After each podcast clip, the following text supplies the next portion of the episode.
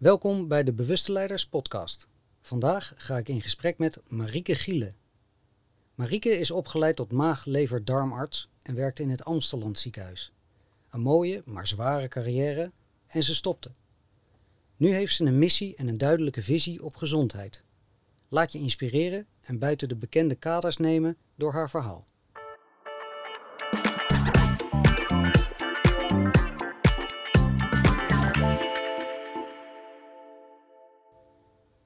Vind je dit nou een mooi gesprek en dat meer mensen dit zouden moeten horen? Help dan het bereik te vergroten en deel de link met vrienden en bekenden via social. Hallo Marieke. Hallo Roald. Welkom in de Bewuste Leiders podcast. Dankjewel. Ja. Superleuk dat ik hier mag zijn. Nou mooi, we staan op een heel mooi plekje, net buiten Bussum. Klopt. Met ja. de Bewuste Leiders podcast camper. En we kijken uit over een mooi natuurgebied, weiland. Zeker met schapen. Wij leerden elkaar kennen een klein jaar geleden tijdens een masterclass. En daar hoorde ik jouw verhaal. En over hoe jij gezondheidszorg wil veranderen of eigenlijk wil helpen verbreden. Omdat er meer is dan alleen de reguliere zorg. Hoe is dat zo gekomen? Mijn pad eh, bedoel je dan? Ja, onder andere. Ja. Ja, Ja, ik ehm, wist eigenlijk altijd wel dat ik mensen wilde helpen. En eh, dat ik iets met gezondheid en het lichaam eh, wilde gaan doen. Ehm, maar eh, toen ik klein was, kon dat ook een dierlijk lichaam zijn. Dus ik wilde dierenarts worden. Of, of ik wilde klinieclown worden. ehm, of ik wilde ja, een soort geneesheer worden. ehm. dus het ging wel richting die gezondheid. En ja, dan word je natuurlijk uiteindelijk gewoon dokter. ja. En eh, op den duur, gedurende die studie, merkte ik dat ik ergens tegenaan liep. En dat was het feit dat eigenlijk 70% van mijn patiëntenpopulatie bestond uit mensen die wel allemaal fysieke klachten hebben. Maar waarbij die klachten eigenlijk gelinkt zijn aan iets heel anders dan het fysieke lichaam. Hm. Dus de uiting is zeker het fysieke lichaam. Maar er zitten allerlei eh, lagen onder. Eh, zoals emoties of stress of een ongezonde leefstijl of trauma's eh, of onverwerkte emoties of patronen, noem maar op. En daar liep ik tegenaan omdat ik wel doorzag dat dat eronder zat. En eigenlijk de mensen met die klachten op den duur ook wel. Maar ik eigenlijk in het ziekenhuis eh, ze onvoldoende goed kon helpen. Ja. Ehm, dat ik te weinig tijd had. ehm, en ja, vooral ook te weinig ruimte bij mezelf. En toen is er iets gaan wrijven bij mij. Ehm, ik had al een keer een burn-out gehad. Dat is natuurlijk ook niet voor niets. Maar ja, dan ga je gewoon door. Want ja, we moeten allemaal door. En je hebt toch een mooie carrière opgebouwd. En je hebt een hypotheek. En je hebt een gezin. Dus je gaat door. Want dat wordt ook een beetje van je verwacht. Dat was mijn overtuiging. Ja. Ehm, en ik had toch twaalf jaar gestudeerd. Dus dat ga je niet zomaar weggooien. Dus een burn-out, weer even bijkomen. En dan, eh, en dan word je gewoon weer, eh, dan stap je gewoon weer in het normale leven, in het normale patroon, zoals het al was. En er was eigenlijk niet zoveel veranderd. En dit keer voelde ik dat er iets anders aan de hand was. Dus het ging wrijven. Ik kon niet helemaal goed mijn ei kwijt. Ik merkte dus dat ik ergens tegenaan liep in het ziekenhuis. En ehm, ik wilde het anders. Ik wilde die mensen op een andere manier kunnen eh, begeleiden. Maar ik zag ook in dat daar meer tijd en ruimte voor nodig was. Maar vooral, en niet heel onbelangrijk, meer zelfzorg. Mhm. Nou, lang verhaal kort. Toen kwam op een gegeven moment mijn tweede burn-out eh, om de hoek kijken. Wanneer was dat? Dat is nu twee jaar geleden. En ehm, ja, dat, dat is uiteindelijk het grootste cadeau in mijn leven geweest. Omdat ik toen pas echt eh, toekwam aan die zelfzorg. Aan wie ben ik nou eigenlijk? Aan de meest essentiële vragen die een mens zichzelf mag gaan stellen. En eh, terug eh, ging naar de verbinding met mezelf. En daardoor juist dus meer en weer de verbinding met de mens tegenover me. Ja, mooi. Dus daar, dat is in een nutshell hoe bij mij de shift is geweest vanuit het reguliere naar waar ik nu ben. Nou, daar zit nog wel een langer verhaal aan Snap vast. ik. maar- Ja. ja. Ja. En welke, welke rollen vervul je nu op, dit moment in dit leven? Ja, dat is een mooie vraag, want ik hoop eigenlijk dat ik niet meer een rol vervul. ehm, maar dat ik eh, mijn authentieke ik eh, ja, laat zijn en laat leven. En daar waar ik dus een aantal jaar terug echt allemaal rollen aan het vervullen was. Mhm. Dus ik, ik had of ik was geïdentificeerd met de rol als moeder. En ik was geïdentificeerd met de rol als eh, vrouw van. En ik was geïdentificeerd met de rol als medisch specialist, et cetera, et cetera. En daardoor, door al die rollen, was ik zo ver verwijderd van wie ik nou eigenlijk echt ben. Ehm, en ben ik gaan inzien dat ik dus al die rollen ook ehm, ja, op mij neem. eh, uit een bepaalde, bepaald verlangen naar iets, een bepaalde behoeftigheid. Ja. Ehm, en ik denk dus dat heel veel mensen dat doen. En dat ze daardoor afgeleid zijn van wie ze nou eigenlijk echt in essentie zijn. Zit daar een reden achter, denk je? Ja, ik kan het voor andere mensen niet, eh, niet zo 1, 2, 3 bepalen. Wel in de trajecten die ik nu met mijn cliënten eh, doe. Dan begeleid ik ze ook naar hun echte, authentieke ik. Eh, en dan gaan ze ook doorzien waarom ze al die rollen op zich nemen. Maar voor mezelf eh, zat er zeker een reden achter. Ehm, want ik, ik was zoals ieder mens, denk ik, behoeftig. Ik wilde erkenning, ik wilde waardering, ik wilde gezien worden, ehm, ik wilde liefde. Wil ik natuurlijk nog steeds, alleen ik haal het nu uit mezelf Ja. in plaats van uit de omgeving. Vanuit een andere positie. Precies. Dus de, de behoeftigheid wordt intern vervuld in plaats van extern gezocht. Ja, en ook nog steeds niet altijd. Hè? Ik bedoel, I'm on the way, eh, zoals iedereen. Dus Iedereen is ergens en niemand is nergens. Zo is ja, het. Ja. Nou, mooi. Je richt je op, op medisch specialisten vooral? Of richt je je nu heel breed? Wat, wat, is, je, wat is je... Wat is mijn visie? Nou, wat er dus gebeurde was dat ik ehm, destijds in het ziekenhuis dus opliep tegen het feit dat ik eh doorhad van ja, heel veel mensen lopen rond met allerlei klachten die een andere origine of ontstaanswijze hebben. Daar wilde ik iets mee en toen ben ik een plan gaan maken, gaan bouwen voor een integrale zorgkliniek. Dus daar waar die mensen een meer complementaire of meer holistische zorg ontvangen, en mijn eh, droom was en is eigenlijk nog steeds dat die mensen terecht kunnen in een huis, een gezond huis, waar ze door meerdere complementaire zorgprofessionals een hele brede eh, behandeling krijgen. Of eigenlijk begeleiding, moet ik zeggen. Ehm, en dat heb ik dus geprobeerd om dat vanuit het reguliere ziekenhuis op te zetten. En dat ging ook eigenlijk eh, best goed. Dus de raad van bestuur stond erachter. En er werd een businessplan gebouwd. En een financiële afdeling ging een financieel eh, kader maken. En ik mocht met de preferente zorgverzekeraar hierover spreken. Maar toen kwam COVID. En toen ging de hele zorg natuurlijk eh, met zijn aandacht naar één ding. En dat was corona. En daarbij zag ik mijn mooie droom ergens onder op de stapel van prioriteiten belanden. ja. En dacht ik ook van ja, maar jongens, zo gaan we het niet, zo gaan we de zorg niet veranderen. Als we in, in dat systeemdenken blijven zitten. Ehm, dus dat voelde voor mij niet goed. En dat is ook de aanzet geweest voor eh, die burn-out. Nou ja, burn-out. Burn-out voor de buitenwereld. Voor mij voelt het echt als een, als een transitie. Awakening? Kantelpunt? Ja, dat, ja absoluut. Ja, Hmm. absoluut. Ja. En wat was er dan aan die tweede burn-out anders dan aan die eerste? In die eerste burn-out zat ik in mijn slachtofferrol. Dus alles eh, overkwam mij en eh, ik kon daar verder niet zoveel aan doen. Dat was mijn overtuiging. Dus eh, het kwam door het slechte huwelijk van mijn ouders. Het kwam door de relatie met mijn moeder. Het kwam, nou maakt niet uit. Ik had overal wel een excuus voor. En deze transitie die is gekomen vanuit kracht. En vanuit een intern weten van ja, maar ik heb hier iets heel anders te, te doen.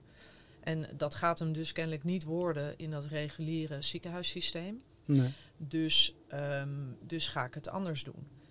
Maar dat is een heel proces geweest natuurlijk. Van eh, doorzien waar je je mee identificeert. eh, wat zijn mijn schaduwkanten? eh, waarom gedraag ik me als slachtoffer? Waar zit mijn behoeftigheid dan? Ehm, nou ja, noem maar op. Dat is een proces van twee jaar geweest. Oké. En ik heb pas vorig jaar eh, de knoop doorgehakt om dus uit het ziekenhuis weg te gaan. Of uit het ziekenhuis, dat klinkt heel radicaal. Maar als, ma- als medisch specialist uh, maagdarmleverarts niet meer in het ziekenhuis te werken. Omdat ik heel sterk intern voelde, je hebt iets anders te doen. Ja. En wat dan precies, dat was voor mij nog niet duidelijk. Maar dat ik daar uh, uh, weg uh, wilde, dat was wel duidelijk. Uit het systeem? Ja. Letterlijk eruit? Ja. En dat was een bewuste keus? Dat was een bewuste keuze. Maar dat is een bewuste keuze. Ja, ja. Oké.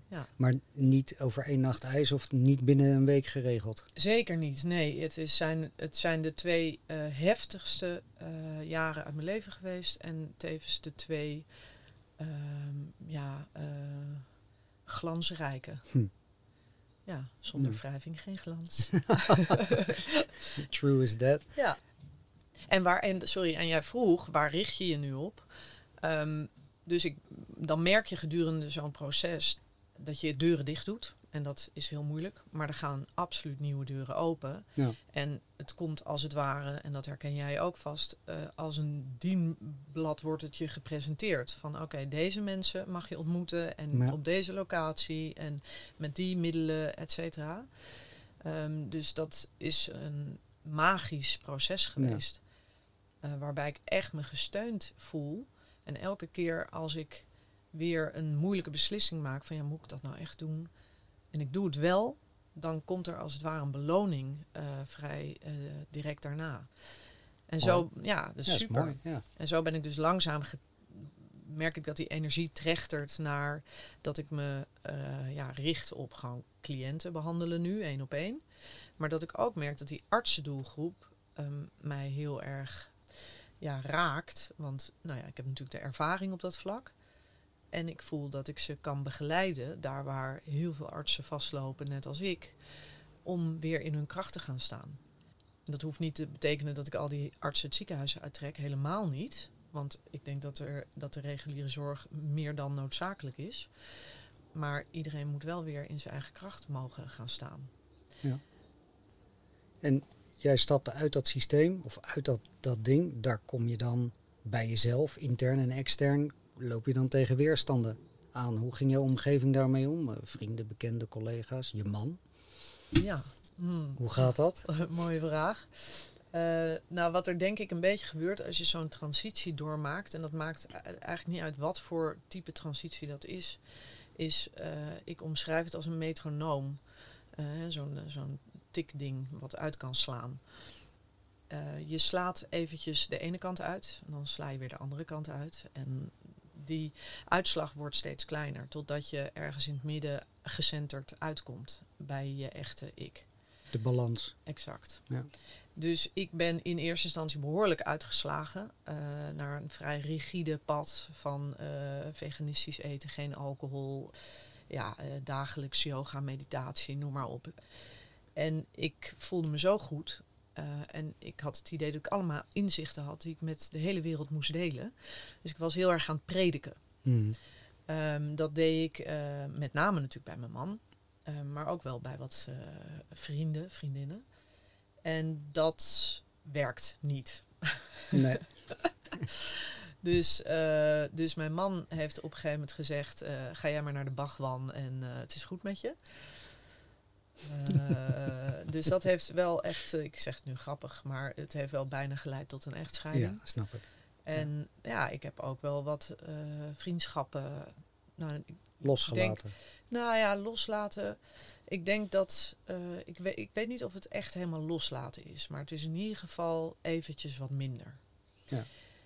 En daarbij merk ik ook dat, dus wat ik zei, je slaat de ene kant uit, dan sla je weer even de andere kant uit. En zo, zo kom je langzaam in dat gecenterde midden. En ik merk dat ik daar wel steeds meer aan het geraken ben. Ja, dus dat, en dat heeft wel twee jaar geduurd voordat dat zo was, zo Ja. is. Kijk, als het ene niet meer past, of niet meer, als de ene jas niet meer lekker voelt, ja, dan probeer je eens dit en dan probeer je eens dat. En door te onderzoeken krijg je dan ook feeling met van hoe is het eh, om eh, een half jaar geen alcohol te drinken. Zeker. En ik denk dat dat zo belangrijk is dat je wel in beweging blijft. En dat je eh, elke keer blijft veranderen en de risico's durft, durft te nemen en de sprongen durft te nemen en in het onbekende durft te, te stappen om steeds meer dichter bij jezelf te komen. Er zijn natuurlijk legio mensen die gewoon een beetje doorkabbelen in, in het comfortabele. Eh, en die vinden, dat zijn ook vaak de mensen die lastig vinden om te zien dat anderen aan het veranderen zijn. Iedereen is een beetje on the go en zoekende. En de een doet dat misschien wat extremer of met wat extremere stappen dan de ander. Ehm, en dat is helemaal oké. Ja, mooi. Dat uh, vraagt dan om bewust leiderschap bij jezelf. Mhm. Tenminste, als je, als je in die transitie, uh, als je daaraan begint. Dat gaat volgens mij niet eens zo bewust, maar je merkt wel van oké, hoe ik het heb gedaan, dat werkt niet meer. Wat is bewust leiderschap voor jou? Als ik dat zeg, welk, op welk vlak, waar moet je dan aan denken? Ik had natuurlijk stiekem al een beetje nagedacht over deze vraag. En er komen een paar dingen kwamen bij me op. Ik vind leiderschap sowieso wel een, een uitdagend woord, want daar kan een bepaalde hiërarchische toon aan zitten. Um, ik denk dat je een echte leider bent als je onbewust een leider bent, Mhm. maar wel een bewuste leider. De, Dus- de natuurlijke tien uit de numerologie. Exact. Ja. Dus je eh, onbewust merk je dat je in je kracht en in je authenticiteit komt te staan.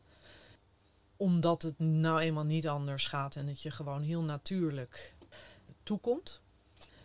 Dat is onbewust leiderschap. Dus ik voel dat ik eh, groepen mag verbinden, dat ik eh, events mag organiseren, dat ik retraites voor artsen ehm, mag gaan neerzetten, dat ik een rol heb in de transformatie van de zorg. Dat voel ik, dat weet ik. Dat is mijn doel volgens mij hier op aarde, voor zover ik het nu kan overzien.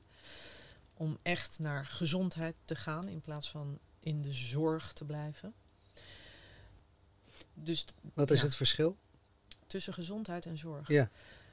Mm, Waar we toenemend nu wel gelukkig naartoe gaan, is naar eh, gezondheid. Hè. Er wordt steeds meer gekeken naar preventie.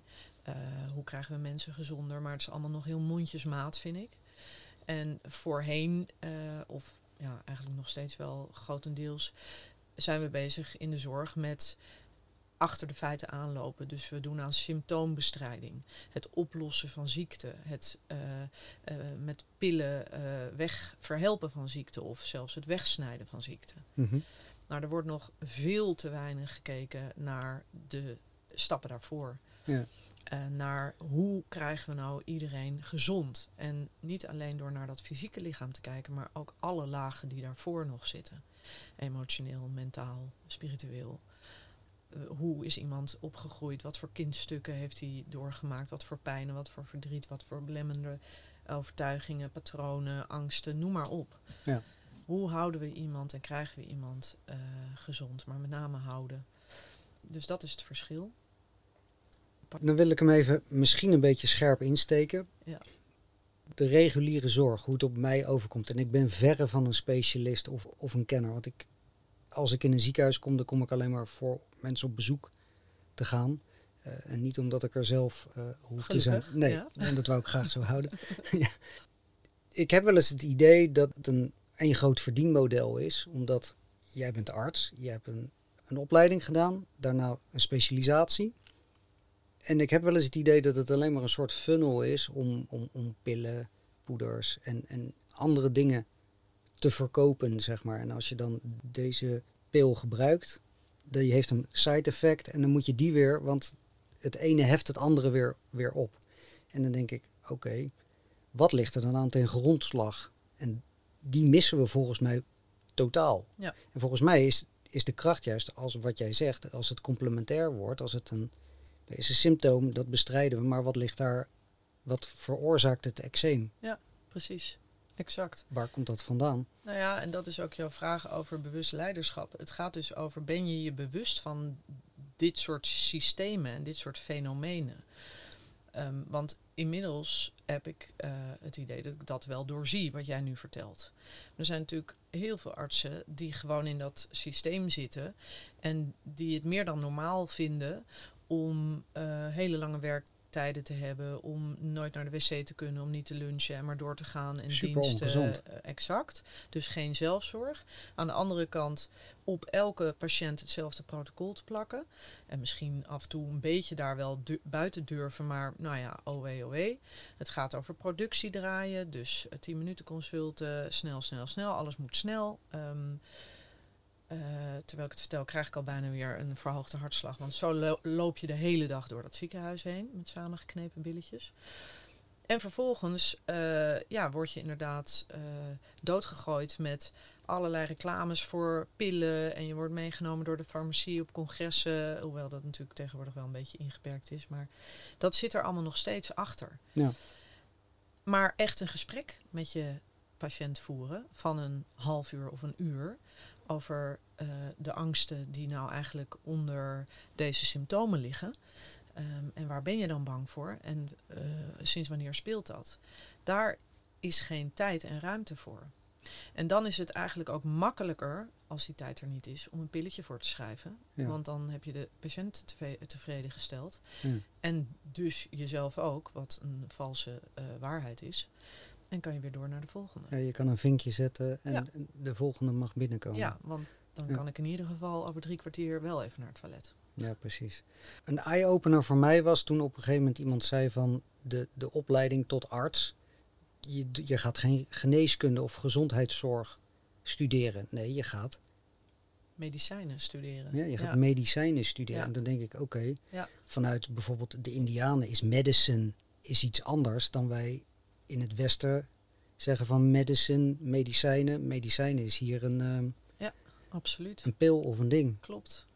Terwijl de Indianen eh, zeggen find your medicine, find your, ja, je kracht, je power, je, Ja. je interne zijn. Klopt. En ik vind een andere ook wel mooi, dat zei iemand, eh, we studeren halfkunst in plaats Halfkunst. van heelkunst. En daar gaat het over. Het gaat over eh, holistische geneeskunde. En holistisch eh, krijgen heel veel artsen krijgen, eh, direct eh, jeuk en uitslag van dat woord omdat het een eh, associatie heeft met alternatieve eh, geneeswijzen. Terwijl holistisch, ja, het is gewoon eh, afgeleid van Grieks holos. En dat betekent gewoon het Heel. geheel. Ja. ja. Heel zijn. Dus het is allemaal niet zo heel erg eh, ingewikkeld. En ik vind ook dat we het vooral niet ingewikkeld of zweverig hoeven te maken. Het kan heel simpel zijn. Ik vind dat zo'n mooi voorbeeld van als je het hebt over die verschillende lichamen. Hè, want dat heel veel mensen denken dus dat ze alleen hun fysieke lijf hebben. Ehm, en daar eh, gebeuren dus al die ziektes. Maar als je je zou kunnen voorstellen dat je ook een emotioneel lichaam hebt en een mentaal lichaam en een spiritueel lichaam, hoef ik jou niet uit te leggen, maar de luisteraars misschien wel. En dat je in Jip en Janneke taal uitlegt aan de cliënt of de patiënt van als jij nou een presentatie gaat houden voor een grote groep mensen. eh, die zaal zit gevuld en jij eh, mag je presentatie doen. eh, en net voordat je opgaat denk je, oh kak, wat ging ik ook weer vertellen? Eh, en, en je raakt eventjes van de wap. eh, je emotionele lichaam gaat aan, is in disbalans. Vervolgens krijg je zweethanden, droge mond, hartkloppingen. Dat is je fysieke lijf. Er is disbalans in je fysieke lijf. Vervolgens denk je, ja, jeetje, dit had ik vorige keer ook al. Ik moet dit gewoon niet meer doen, want ik kan dit niet. Mentale lichaam. Je gaat op, je gaat je presentatie doen, je begint eraan en je begint een beetje hakkelend en je trilt en je ik weet niet meer waar, waar het knopje voor de volgende dia zit. En dat komt omdat je niet meer in verbinding bent, in alignment met je spirituele lichaam. Dus die vier, die hebben invloed op elkaar. Dus als jij een fysieke klacht hebt als patiënt, zou het zomaar eens kunnen dat de disbalans zich in een ander lichaam zit, bevindt. Bijvoorbeeld omdat jij heel erg veel stress ervaart. En je daardoor eh, heel slecht slaapt en daardoor eh, emotioneel in disbalans bent. Niet fysiek, maar emotioneel. Dus wat ik nu probeer te, te, te verkondigen. nou, nee, dat is niet verkondigen. Maar ik probeer wel mensen bewust te laten worden van het feit dat die fysieke klachten, zeker die chronische fysieke klachten, niet altijd alleen maar in dat fysieke lijf zitten. Ja. Maar dat er op alle lagen een disbalans kan zijn. Ik moet het podium op. Ik heb ervaar zenuwen. Zweet gutst uit mijn oksels. Ja. En datgene wat ik doe is ik pak een deo-stick om het, om het zweten te stoppen. Exact. Ja. Ja. Ja, of zoals ik als maag-darm-leverarts deed, als er een bloeding was in het maag-darmkanaal, dan stoppen we de bloeding. Dan zijn we klaar. Mooi. Zo, weer terug naar huis. Maar we vragen ons vervolgens niet af waarom überhaupt die sfeer daar is ontstaan en waarom dat bloedverlies is gekomen. Dat is even heel gechargeerd. Hè? Dus we hebben in de geneeskunst hebben we een doekje voor het bloeden. Maar de vraag waarom het is gaan bloeden, die wordt eigenlijk te weinig gesteld. Ja. En die vraag kan je gewoon stellen aan je, aan je patiënt of je cliënt. Maar daar is geen tijd voor. Nee, exact. Hm. Dus ik hoop, en je ziet dat nu al wel een beetje ontstaan, dat ook in die zorg, ook in die ziekenhuisomgeving, daar meer aandacht eh, voor gaat komen. En dat gebeurt wel al. niets gebeurt om, eh, op één plek. Dat is natuurlijk een soort energieveld wat gaande is. Maar de vraag daarnaar eh, vanuit de patiënten is veel groter dan het aanbod vanuit de zorgwereld. Oké. Ehm, en daarom heb je nu dus ook zoveel coaches of eh, holistische dokters of alternatieve geneeswijzen, omdat de vraag enorm is. Ja. Ja, dus Lubach bijvoorbeeld, die maakte een satire over het aantal coaches. Ja, hè, hè, die zijn er omdat er vraag eh, is. Ja. Mensen lopen vast en willen gehoord worden. En dan heb je goede en slechte coaches natuurlijk. Ehm, dat is evident. En sommige mensen beginnen vanuit het helpersyndroom van nou, ik heb een burn-out gehad, dus vanuit mijn ervaringsdeskundigheid kan ik een ander ook helpen. Wat niet per definitie natuurlijk waar is. Nou, dat is wel, mag ik daar wel even op inhaken? Zeker. Want dat is eh, wel iets wat bij mij heel erg is geshift. Als arts had ik inderdaad eh, heel sterk het gevoel dat ik mensen moest helpen. En als dat dus dan ook niet lukte, dan, ja, dan eh, ging er iets mis bij mij. Want ik kon die persoon niet helpen. Dus dan krijg je spijt, eh, schaamte, schuld, dat soort eh, dingen. Eh, maar waarom wilde ik iedereen helpen? Omdat ik waardering en erkenning nodig had van de buitenwereld. Mhm. Maar eigenlijk kwam het erop neer dat ik stiekem van mijn vader dat gewoon had willen hebben. Wat er geshift is, is dat ik nu zie dat ik mensen niet kan helpen. Mensen helpen zichzelf en ik begeleid ze. Dus ik ben er om een, bepaalde, eh, ja, een bepaald veld neer te zetten en om ze kleine duwtjes of eh, inzichten te geven. Maar ik help ze niet. Dat doen ze zelf. En daar zit heel veel kracht achter. Als, je, als, als mensen dat gaan inzien van, oh wacht, ik ga mezelf helpen. Dat is zoveel krachtiger. Dat geeft Ja. meteen eigenaarschap, empowerment. En dat mist in de gezondheidszorg nu. Eh, want ehm, ja, ik noem het de bol.com generatie. Dus eh, ze- mensen komen bij de dokter, ehm, leggen hun hele hebben en houden daar op tafel. Succes ermee. Jij bent verantwoordelijk, zeggen ze tegen de arts. En ehm, ja, eh, los het maar op. het maar op. Precies. En net zoals bij Bol, je bestelt iets en dezelfde dag kan tegenwoordig, ligt het op je deurmat. Dus ze hebben ook nog het gevoel dat het vandaag opgelost moet Ja. worden. En we doen niet anders bij de overheid. Nee, Want eh, ik heb op jou gestemd en los het maar op. los mijn probleem maar, maar op. Ja. Buiten dat de overheid natuurlijk ook legio problemen veroorzaakt. Ja. Maar ze zijn er niet per se om mensen hun persoonlijke eh, problemen op te lossen. Ja, klopt. En daar gaat de huidige tijd wat mij betreft over. Want het gaat, wat men, wat men nu aan het doen is, en ik ben daar zelf ook eh debet aan, hè, is heel erg al die problemen buiten jezelf zoeken. En vingertje wijzen naar eh, buiten. Want, want die, want de politiek en de zorg en, en dat en dat klopt niet. En anderen de schuld geven om maar niet. En afgeleid worden ondertussen door social media, door eh, Netflix, door noem maar op, alcohol eh, doet er niet toe. Allerlei Seks, drank, drugs. Ja, Ja. precies. Om maar niet je eigen binnenkamer op te ruimen. En volgens mij is dat het enige wat we te doen hebben met z'n allen, is eerst je eigen kamer opruimen. En daar maar eens even een tijdje in, ver- in vertoeven. En kijken hoe, hoe donker en shit eh, of heel leuk het daar is. Maakt niet uit. Maar in ieder geval alles gaan ervaren wat er in die binnenkamer zich afspeelt. En dan eens gaan kijken naar de buitenwereld. Maar dat is niet comfortabel. Dat is zeker niet comfortabel. Nee, dat klopt. Nee, Maar- dat, eh, maar dat is wel de enige eh, ehm, richting, denk ik, naar een meer gebalanceerde eh, wereld. Waarbij mensen in verbinding staan met zichzelf op de eerste plek. En daarna pas met de ander. En daardoor met de natuur en de omgeving en de grond en de lucht en alles wat leeft. Ik kwam ooit, tien jaar geleden of zo, had iemand het over zelfliefde. Ik had nog nooit van het woord gehoord. En ik dacht van, hè? Zelfliefde? Hou van mezelf, dat is egoïstisch of raar, of dat, doe je toch niet? Maar als je niet oké bent met jezelf, of niet houdt van jezelf voor met alle plussen en minnen, hoe kan je dan van een ander houden? Dus hoe kan je, als je niet goed voor jezelf zorgt, in hemelsnaam voor een ander zorgen? Nou ja, en dat is natuurlijk wat bij mij in ieder geval in het ziekenhuis gebeurde. Dat ik was helemaal niet goed voor mezelf aan het zorgen. Ik liep volledig over mezelf heen. Met vier kinderen en een, en een drukke baan en nachtdiensten en maar doorgaan. Ik dacht wel dat ik goed voor mezelf zorgde. Want ik deed wel, ik stond om eh, half zes 's ochtends op om yoga en meditatie te doen. En dan eh, maakte ik een gore groene smoothie en die nam ik dan mee naar het ziekenhuis. En daar at ik dan wat wortelen.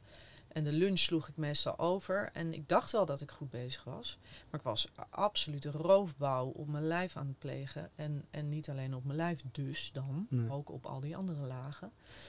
En ik denk dat heel veel artsen denken dat ze goed doen. Ja. Ehm, en dat ze ook denken dat dat harde werken, ja, dat hoort er nou eenmaal bij. Maar hoe kan je in godsnaam eh, voor de ander zorgen, of in ieder geval de anderen begeleiden? Of hoe kan je in godsnaam in verbinding staan met de ander tegenover je, als je eh, uit verbinding bent met jezelf? Met jezelf, ja. En ik zeg niet dat, dat alle artsen, hè, er zi- zitten er he- heel veel, heel veel, heel veel, heel veel goede en fijne tussen. En, eh, maar ik, ik vrees toch dat ehm, een groot deel hopelijk hier nog tegenaan Ja. gaat lopen. Nou, ik denk ook wel dat een aantal mensen uit jouw netwerk of artsen, doktoren die dit luisteren, die herkennen dit. Dat hoop ik. Ja. Of Ja. eigenlijk hoop je het niet, maar Nou, nee, ik, nee, ik, hoop dat echt wel. Want ik, eh, ik gun, eh, dat klinkt een beetje gek, maar ik gun iedereen eh, zo'n heftige periode als waar ik doorheen ben gegaan. Dat gun ik iedereen, want ik zie het nu nogmaals als het grootste cadeau in mijn leven naast mijn kinderen en mijn man. wel fijn dat ik die ook nog even erbij. even erbij plak. Kijk, dus wat ik denk is dat je, wat ik zei, is dat als je een onbewuste leider bent, dat zijn de mooiste leiders, maar dan dus wel vanuit een bewuste bewustzijn staat. Dus als je doorhebt, ook in een eh, groot bedrijf bijvoorbeeld, wat, wat er allemaal in de onderlagen speelt. Als je dat kan doorzien en dan onbewust de leider zijn, dus niet vanuit een hiërarchische rol, maar meer omdat je voelt dat jij dat je zo geboren bent en dat dat jouw doel is en jouw missie hier op aarde. Dat je dus vanuit een bewustzijn, een verruimd bewustzijn, een onbewuste leider kan zijn. Mooi. En dan heb je daar dus niet bewust voor gekozen. En dat ben je nu aan het overbrengen, of je bent nu met een groep dappere dokters genaamd. Ja, Ben je dat een beetje aan het samenbrengen? ja nou wat ik eh, vertelde was dat een of mijn grootste droom is zo'n gezond huis eh, bouwen. En daar ben ik dus eigenlijk eh, al ehm, nou, drie, vier jaar in mijn, in mijn gevoelswezen mee bezig. Maar ik merk dat ik tegen allerlei dingen oploop. En toen ik dat meer naar buiten ging brengen, dat gezonde huis op mijn website bijvoorbeeld, werd ik heel veel benaderd. Echt nog steeds. Ik word gewoon superveel benaderd door artsen of zorgprofessionals die mee willen doen. Eh, of die zeggen, kan ik een keer koffie met je drinken? Zullen we een keer gaan wandelen? Want ik heb ook een soort gelijk plan. Bla, bla. Op een gegeven moment was ik alleen nog maar koffie aan het drinken en aan het wandelen. Eén op één. En toen merkte ik ook van dit is niet effectief. Maar het zijn wel allemaal prachtige initiatieven en ideeën en mensen die echt iets anders willen. Wat nou, ook om mijn eigen tijd een beetje te beschermen, als ik al die dokters bij elkaar ga brengen. Want er zijn superveel initiatieven, maar iedereen loopt eigenlijk een beetje tegen hetzelfde op. En dat is deels eh, systeemdenken. Dus eh, wie gaat dat betalen? Hoe doen we dat met de zorgverzekeraar? Eh, hoe komen we dan aan een pand? Eh, hoe moeten we dat ehm, dan strategisch regelen? Gaan we dan in een maatschap of iedereen zijn BV? Of laten we dat helemaal los? Gaan we überhaupt afspraken maken of niet? Dat is natuurlijk allemaal een beetje in, in ja, het oude denken. Precies, dat, Ja. dat is het oude systeem met een nieuw jasje. Dus ik dacht, zou het niet tof zijn om die mensen die daar toch al een stukje verder in zijn, of misschien zelfs al iets hebben neergezet, om die samen te brengen. Ehm, en dan echt niet te gaan brainstormen, maar te gaan hardstormen vanuit je hart. Gaan bedenken, eh, toch vanuit je hart gaan bedenken. Ja. Ehm, hoe, gaan we dit, hoe gaan we dit neerzetten? En dan wel gestructureerd. Dus eh, ze krijgen huiswerk en eh, we gaan een heel plan volgen. Dat dan wel, anders wordt het een chaos. Ehm, ja, dus dat gaat gebeuren 9 juli. Tof. Ja, heel tof. En dat is zo vol, of daar kunnen mensen naartoe? Daar kunnen mensen zich nog voor eh, aanmelden. Waar? Ja, ga ik dat nu zeggen? Zeker. Ja. Oké, dat is via de School for Integrative Medicine. En de School for Integrative Medicine, dat is een initiatief wat al een jaar of vijf bestaat. En is opgericht door Simone Ardesh. Nou, lang verhaal kort. Het is een nascholingsinstituut voor nieuwsgierige artsen die een beetje eh, out of the box willen denken. Dus het zijn artsen die op zoek zijn naar eh, ja, medisch leiderschap, naar zelfontwikkeling, ehm, nascholingen als zingeving in de spreekkamer. Motiveren kun je leren. Er zit een yogaopleiding, een coachopleiding. eh, dus we hebben zo'n 20 nascholingen per jaar. En een bereik van ongeveer 1850 zorgprofessionals in Nederland.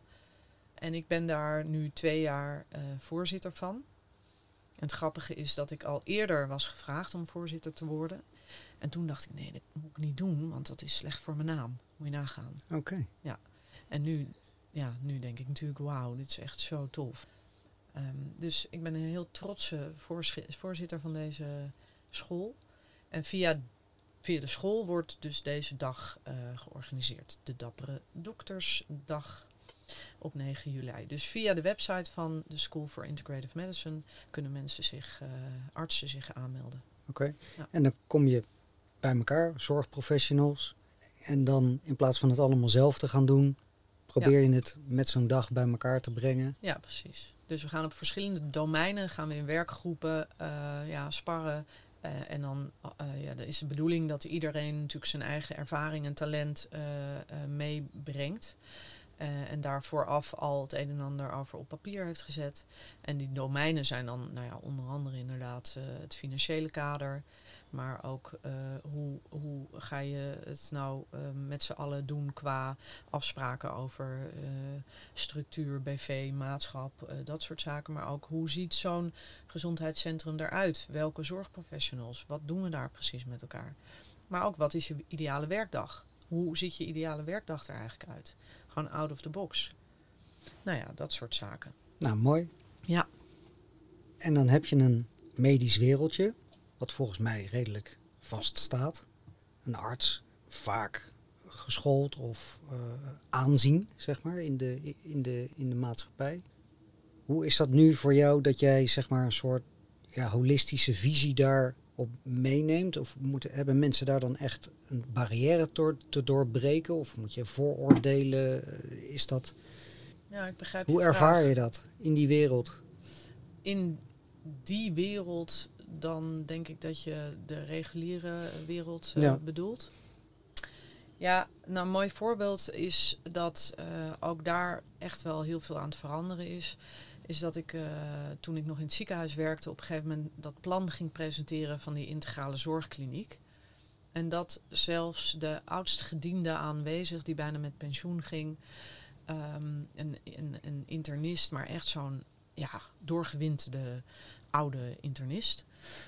Die zei na afloop van mijn presentatie, Marieke, ehm, vijf jaar geleden, als jij me dit had verteld, vijf jaar geleden had ik je nu naar huis gestuurd. Had ik gezegd, ga maar eens even drie maanden bijkomen. En dan eh, kijken we of je weer terug kan komen. Maar nu inmiddels zie ik in dat we niet anders meer kunnen. Dus zelfs die doorgewinterde internist, die eigenlijk niet zoveel moest weten van ja, complementaire of holistische zorg, die zag in op dat moment, we moeten het anders gaan doen. Ja. En dat is een mooi voorbeeld voor het feit dat ook die reguliere wereld doorheeft van er moet iets gaan veranderen. En je ziet dus ook heel veel dingen, initiatieven ontstaan in ziekenhuizen. Hè? Muziek in, in de wachtkamers, eh, eh, fruitautomaten in plaats van snoepautomaten, ehm, gezonde hapjes bij de koffiecorner, eh, aromatherapie, acupunctuur in het ziekenhuis, nou noem maar op. Dus er gebeurt van alles. Eh, met name in de oncologiewereld, de kankerwereld. Maar wat mij betreft nog steeds een beetje eh, pleisters op de wonden. Beetje aan de oppervlakte nog. Ja, maar dat is mijn, eh, mijn visie. Hè? Ja. Dus ehm, van mij mogen we meer de diepte in. En ik zie ook wel in dat dat moeilijk is om dat in het reguliere ziekenhuis allemaal te regelen. En ik denk dus ook dat het reguliere ziekenhuis daar niet voor is. Nee. Maar wat nou als er een verbinding is, een brug, en daar ligt mijn rol, de bruggenbouwer, tussen dat reguliere ziekenhuis en zo'n complementair gezondheidshuis, het gezonde huis, waar inderdaad de diepte in wordt gegaan. Dus waar die mensen met die chronische klachten, die je eigenlijk gewoon niet meer in het reguliere ziekenhuis eh, wil hebben, waar die mensen ehm, ja, worden begeleid op het pad van zelfhelend vermogen, want dat hebben we allemaal, door te gaan kijken naar de onderliggende lagen achter zo'n chronische klacht. En die brug, die wordt nu langzaam aangebouwd, steentje voor steentje. Ja, mooi. En Ja. ik merk dat ik daar natuurlijk eh, zijn heel veel mensen enthousiast hè, ehm, over, over die brug. En er zijn ook mensen die Minder, denken: ja. eh, wat ben je in godsnaam aan het doen? Hocus pocus. Hocus pocus en het is niet ethisch en et cetera. Ik ben ook al van LinkedIn verwijderd. Eh, dus je, je merkt ook de weerstand. En desondanks voel ja, ik, ik voel aan elke vezel in mijn lichaam dat het klopt wat ik doe. Dus eh I Ja. don't care. Nee. We gaan door. Ja, je hoeft ook niet alles te kunnen zien of tastbaar te hebben. Op, ja, wil het gezien of de energie kunnen stromen. Dat is natuurlijk een soort eh, westerse mindfuck. Dat, Ja. ja. als je het niet ziet, is het er niet. Klopt. Ja, en ik denk ook dat ieder zijn rol heeft. Dus die arts in het ziekenhuis die het niet ziet, of die het op zijn of haar manier ziet, helemaal goed. Want die heeft zijn rol. En ik heb mijn rol. Mhm. En jij hebt jouw rol. En zo hebben we allemaal ons eigen ja, eh, domein waarbinnen we nou, in onze kracht kunnen staan en waar onze dingen ehm, tot uiting komen. Eh, dus ik, ik heb ook niks tegen degene die eh, commentaar heeft op mijn werk. Want ik denk, ja, dat klopt ook, want dat is niet jouw rol. Dus ik heb compassie voor degene die daar zit en zijn en of haar werk doet. Ja. Het gaat buiten het goed en fout. Ja, dat, dat bestaat niet. In mijn eh, belevingswereld niet in ieder geval. Ja, niet meer. Niet Of- meer, nee, nee. klopt. Ja. En soms ook wel, hè, want ik eh, ben ook maar een mens. Ja. dus ik, ik denk ook soms aparte dingen over andere mensen. Ja. Ik heb ook oordelen. En eh tuurlijk, hallo. Ja. ja, die krijg ik ook wel eens terug. Ja. Jij zegt altijd niet oordelen of dingen er laten zijn. En Ja. dan, nou doe je het zelf ook. Ja, bedankt voor, deze, voor dit reflectiemoment. ja, Ik, Ja. Ik ben ook mens. ja, precies. En eh, iedere dag eh, leef en leer ik. Mhm. En dat is zo mooi ook. En dat is ook exact wat ik eh, tegen mijn cliënten nu zeg. Als het allemaal heel zwaar wordt en nou ja, dat slachtofferrolletje even terugkomt, zeg ik maar zie het nou gewoon als een ervaring. Dit hele leven als een ervaring waarin je lessen mag leren. Dan zijn dit dus allemaal lessen. En dan kan je er misschien zelfs op den duur dankbaar voor zijn. Hoe moeilijk en hard die lessen ook zijn. Ja. There, done it, doing it. Dus, en dan wordt het ook weer wat luchtiger. En dan komt er ook weer een bepaalde kracht achter. Oh ja, wacht even. Dan, hè, dan komen ze weer in die eigenaarschap en die empowerment te staan. En vanuit daar eh, ja, kunnen mensen het weer aangaan. In plaats van erin zwelgen en een slachtoffer zijn. Ja. Ja. Ja, mooi. Want, want nu heb jij een praktijk Ja. in, eh, in Bussum, Ja. in Harthouse. En wat doe je daar ja, daar komen mensen, of want je, je bent geen praktiserend arts meer. Jawel, ja, ik ben nog steeds maagdarmleverarts. Oké. En eh, ehm, mijn eh, doel is ook wel om dat te blijven. In eerste instantie, toen mijn metronoom eh, stokje helemaal de andere kant op was geslagen, dacht ik, nou, die titel echt, die mag me gestolen worden en ik ga lekker doen wat ik wil. Maar later dacht ik, ja, ik heb er toch wel twaalf jaar voor gestudeerd. En mensen, merk ik nu, komen naar me toe omdat ik ook arts ben. Dus ze vinden het interessant dat uh, ik met een, als arts met een bredere blik naar hun problematiek kijk. En ook nog steeds door de bril van een arts naar die problematiek kijk. Toen dacht ik, ja, dan moet ik misschien toch, daar zit een bepaalde credibility achter, misschien toch die titel behouden. Ja. Dus, um, en dat gaat ook gewoon. Uh, ja. Dus dat ga ik ook doen. Dus ik heb naast mijn coachingspraktijk, ben ik ook nog steeds gewoon maagdarmleverarts. Uh, met verzekerde zorg. Maar dan wel voor die patiëntencategorie met chronisch onverklaarde klachten. Dus die zijn al bij de huisarts geweest of in het ziekenhuis. Mm -hmm. Daar hebben ze te horen gekregen, nou uh, ja, lever maar mee, uh, niets aan te doen, het is stress of whatever. En dan zijn ze bij mij welkom en dan gaan we de diepte in. Mooi. Dus dat doe ik en ik zie mijn praktijk uh, nu eigenlijk als een, een, proeftuin voor dat gezonde huis. Dus um, het is een eerste opstap naar een groter plan. Um, en ik merk dat ik heel veel leer van mijn cliënten momenteel.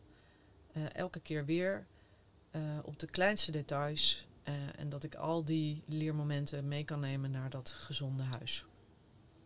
Ja, tof. Ja, want heel tof als je het over holistisch hebt, jij vliegt het zeg maar, ja, je, je, je hebt een medische achtergrond, je hebt de coachachtergrond, je hebt ook een heel sterk spiritueel lijntje. Je hebt, en dat combineer je eigenlijk dan daarin. Ja, ja, dus precies de vraag beantwoorden van wat doe je daar, dat vind ik altijd uh, wel uh, moeilijk of een uitdaging. Omdat eigenlijk werk ik heel intuïtief. Dus het hangt er ook vanaf wie ik tegenover me heb zitten. En al vrij snel heb je dat natuurlijk door. Um, en dan zal ik bij een CEO van een beursgenoteerd bedrijf een andere ingang nemen dan iemand die al helemaal in de retraitewereld bekend is en aan yoga en meditatie doet al jaren. Dat zijn natuurlijk andere, andere talen die je dan spreekt eigenlijk. Ja. Maar wat ik heb gemerkt, en ik denk dus dat dat mijn talent is dat ik die verschillende talen ook kan spreken. Ja. Omdat ik dus die achtergrond uh, zelf heb. Ik ben zelf heel mentaal geweest, heel hoog afgeleid en in, in de medische wereld uh, uh, ook ja, een bepaalde taal heb leren spreken. En nu in de afgelopen jaren een, een nieuwe taal heb leren spreken.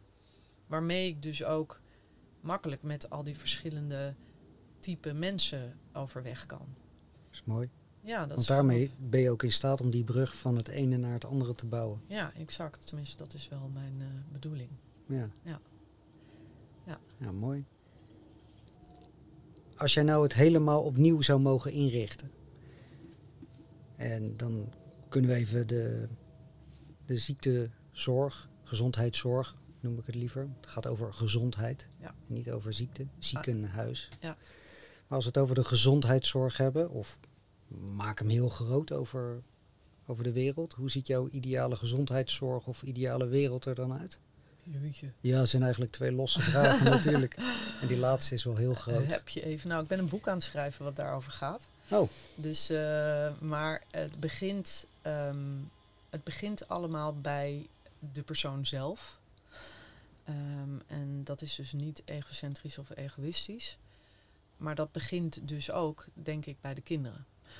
Dus een andere vorm van educatie.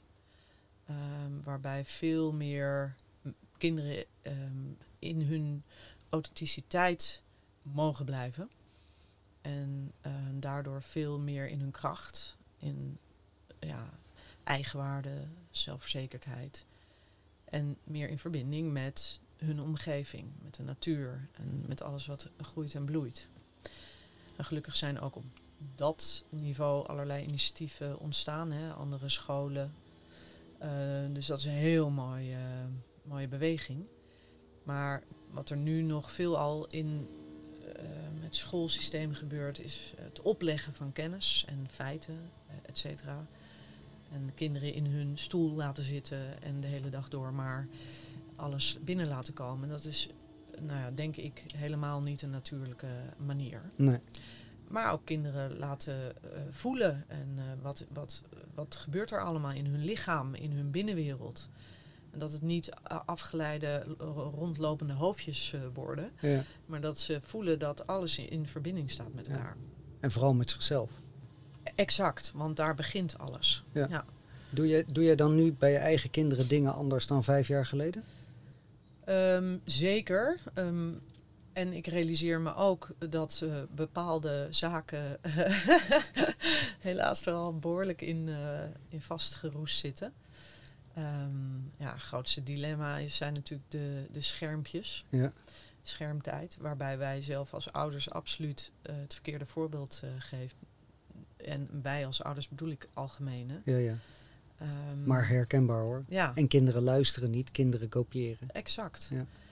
Maar het feit dat ik bijvoorbeeld voor mezelf heb gekozen en dat ik eh, een, een hele relevante carrière aan de kant heb gezet en dat ik nu veel meer tijd voor ze heb en dat ik ook meer tijd voor mezelf neem, weet je, dat zijn allemaal voorbeelden die zij zien ehm, en die zij mee zullen nemen.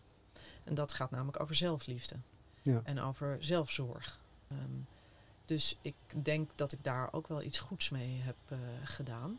Tenminste, dat hoop ik, maar dat gaan we zien. En aan de andere kant, ja, weet je, we zijn allemaal liefdevolle, eh, liefdevolle amateurs als ouders. En we, en we traumatiseren onze kinderen per definitie.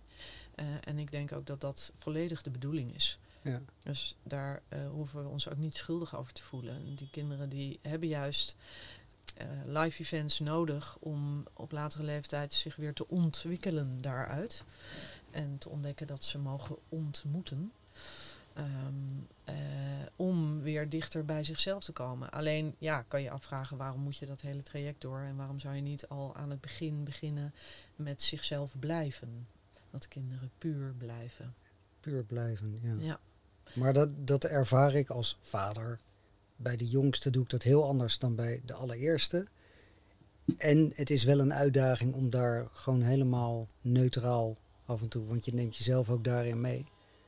Dat, dat gaat niet altijd, zeg nee, maar. nee, tuurlijk niet. Ik En, bedoel- en ik heb wel eens tegen die oudste gezegd, tegen de oudste twee heb ik wel eens er oprecht gezegd dat het me spijt met hoe ik sommige dingen vroeger heb gedaan. ja, Omdat dat, ja, ik zou dat nu nooit meer doen. nee, maar dat is toch mooi? Nee. En dan niet vanuit schuld, maar gewoon vanuit erkenning van, lieve schatten, ik heb dit gewoon echt niet handig gedaan. Ja, super mooi. Ja. ik denk eh, dat, eh, dat je dat eh, altijd nog met je kinderen kan doen, natuurlijk.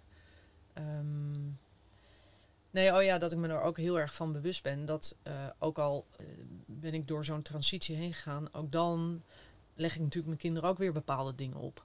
Want nu zie ik het misschien door een iets andere bril, maar ook die bril is gekleurd. Weet je, Ja. dit zijn ook maar weer mijn waarheden of mijn projecties. Dat vind ik eh, altijd zo'n mooi voorbeeld, metafoor van een diaprojector. Dat wij een diaprojector zijn. Mhm. Stel je maar voor dat jij een diaprojector bent. Ja. En met zo'n ouderwetse, met zo'n rol Ja, met dia's. ja, Ja, je hebt hem, hè? ik heb fotozaken gehad. Oh ja, nee, Dus- kijk. Dus je, je ja, kent het. zeker. En er schijnt dus een licht door ons allen heen. En dat licht, dat is ja, eh, het, het, het grotere geheel, noem ik het maar. Mhm. Dat is het alomvattende. Dat is het veld van de onbeperkte mogelijkheden. Dat schijnt door ons heen, door onze filters. En die filters zijn die dia's die in die rol zitten. Wat een mooie metafoor. Nou ja, en die filters zijn dus onze conditioneringen, onze angsten, onze overtuigingen, onze imprints. En daardoor komt er een projectie die wij waarnemen, maar wel door onze filters. Ja. Dus jouw buurman is een andere diaprojector, heeft andere filters. Hetzelfde licht schijnt er doorheen, door jouw buurman, Ja, maar heeft een andere waarheid. ja, Dus ik realiseer me ook heel goed dat in, in elk gesprek wat ik nu heb, dat ieder is een andere diaprojector, heeft andere filters. En ik realiseer me ook dat mijn filters een beetje veranderd zijn Ja. gedurende de afgelopen jaren. En dat mijn waarheid daardoor, of mijn projectie, ook veranderd is. Je hebt wat andere dia's in je carousel gehaald en je hebt er wat Exact. dia's uitgehaald. Ja, en nieuwe dia's ingestopt. Ja. Ehm, dus voor mijn kinderen, die krijgen nu ook opeens een moeder te zien met eh, een andere eh, projectie. Eh, en daar ben ik me heel erg bewust van. Dat dat, dat ook continu, ja, het is een dynamisch proces. Maar het is wel mooi, want ehm, wat er gebeurt als je blijft veranderen als mens, is dat je je, dat je, je filters gaat zuiveren. Mm, Dat je dus ook doorhebt dat je filters die jou niet meer dienen, dus dia's die jou niet meer dienen, die haal je uit die rol. En je stopt er nieuwe dia's in die, die meer passen bij jou. Ja. Er komt een hele mooie Spirit Bird eh, langs, eh, Roald. En eh, dat horen de podcastluisteraars daar. Je ziet hem niet eens. Nee, ik zie hem niet. Heb Su- ik weer- Suzanne heeft het ook. Dan zitten we in de auto en die is ook op roofvogels en georiënteerd. En dus, oh, kijk daar, daar. Ik, waar, waar, waar, waar. en dan zie ik het niet. Eén vraag die ik zeker nog wilde stellen is eh, vanuit jouw specialisatie maag, lever, darm. En je had het net over met kinderen, bewustwording maken, eh, gedrag, voeding, Hm, preventie en voeding. Ja. Als ik naar de supermarkt ga, dan zie ik allemaal glimmende en gekleurde verpakkingen. Ja. Die vinden, waren er- zij, vinden zij heel fijn, hè? Ja, Ja. ja. maar die waren er eh 60 jaar geleden, waren die er nog niet. En sinds de jaren 70 zijn we wel een beetje als samenleving. ehm, Ja, je zou bijna zeggen dat er iets achter zit, hè? nou ja, maar de, de hoeveelheid suiker en zouten en Ja. toevoegingen. En, Ja, hoeveelheid pillen, hoeveelheid suiker, hoeveelheid fastfood eh, restaurants, hoeveelheid alcoholshops, hoeveelheid... Ja. Ja, nee, je zou bijna zeggen dat er iets achter zit. Maar goed, laten we daar niet over hebben. Ehm, ja, dit is, dat is natuurlijk een, een, een eh, uitermate rampzalige ontwikkeling. Ehm, want wat je gewoon kan meten is dat we wereldwijd eh, eh, dikker, breder en luier worden. En dat is uiteraard al een aantal jaren aan de gang hoor. Jaren. Ja. En je zou zeggen, oké, als iedereen dat nou zo inziet, dat dat zo is. En Mhm. dat we allerlei welvaartsziekten hebben, waaronder overigens COVID. In ieder geval is de meest kwetsbare groep daarvan bewezen eh, de ja, een middelbare eh, obese man, eh, het liefst nog met suikerziekte en een aanleg voor hart- en vaatziekten. Als we dat nou allemaal weten, dan kunnen we dit toch per direct terugdraaien. Ja. Ja, zo werkt het kennelijk niet. Nee, ja, ik ben dan ook niet vanuit. Je, je hebt zo'n suikertaxwet waar ze, waar ze in Den Haag over praten. Ik ben daar dan zelf geen voorstander van. Want dat, ja, dan ga je weer verbieden en, en, en doen. En ik denk dat de motivatie intrinsiek moet zijn. Op het moment dat er bewustzijn op die voeding komt. Ja, dan ga je niet. Dan geef je je kind niet eh, vijf dagen in de week een pak wiki mee naar school. Maar Nee, dan, dan Klopt. geef je gewoon water mee. Klopt. Ja, nou dat is overigens ook weer iets waar wij zelf nog, ik en mijn man, mee struggelen hoor. Want het probleem eh, is natuurlijk dat er nog geen intrinsieke motivatie is eh, om dit te veranderen. Eh, omdat we het ook zelf in stand houden. En ja, die intrinsieke motivatie gaat denk ik pas komen als er een soort crisis is, waardoor het zou kunnen worden geprikkeld. Die intrinsieke. Persoonlijke crisis, Ja, precies. En ik had eigenlijk de hoop dat eh, COVID zo'n crisis zou zijn, waarbij heel veel mensen intrinsiek gemotiveerd zouden geraken om anders naar bepaalde dingen te gaan kijken en Ja, dus het ook leefstijl. anders te gaan doen, bijvoorbeeld. Nou is dat wel een beetje aangewakkerd, maar nog niet eh, eh, grootschalig. Ik denk dat er nog heel veel crisissen gaan, moeten gaan komen voordat de mensheid ontwaakt en doorheeft waar we in godesnaam mee bezig zijn.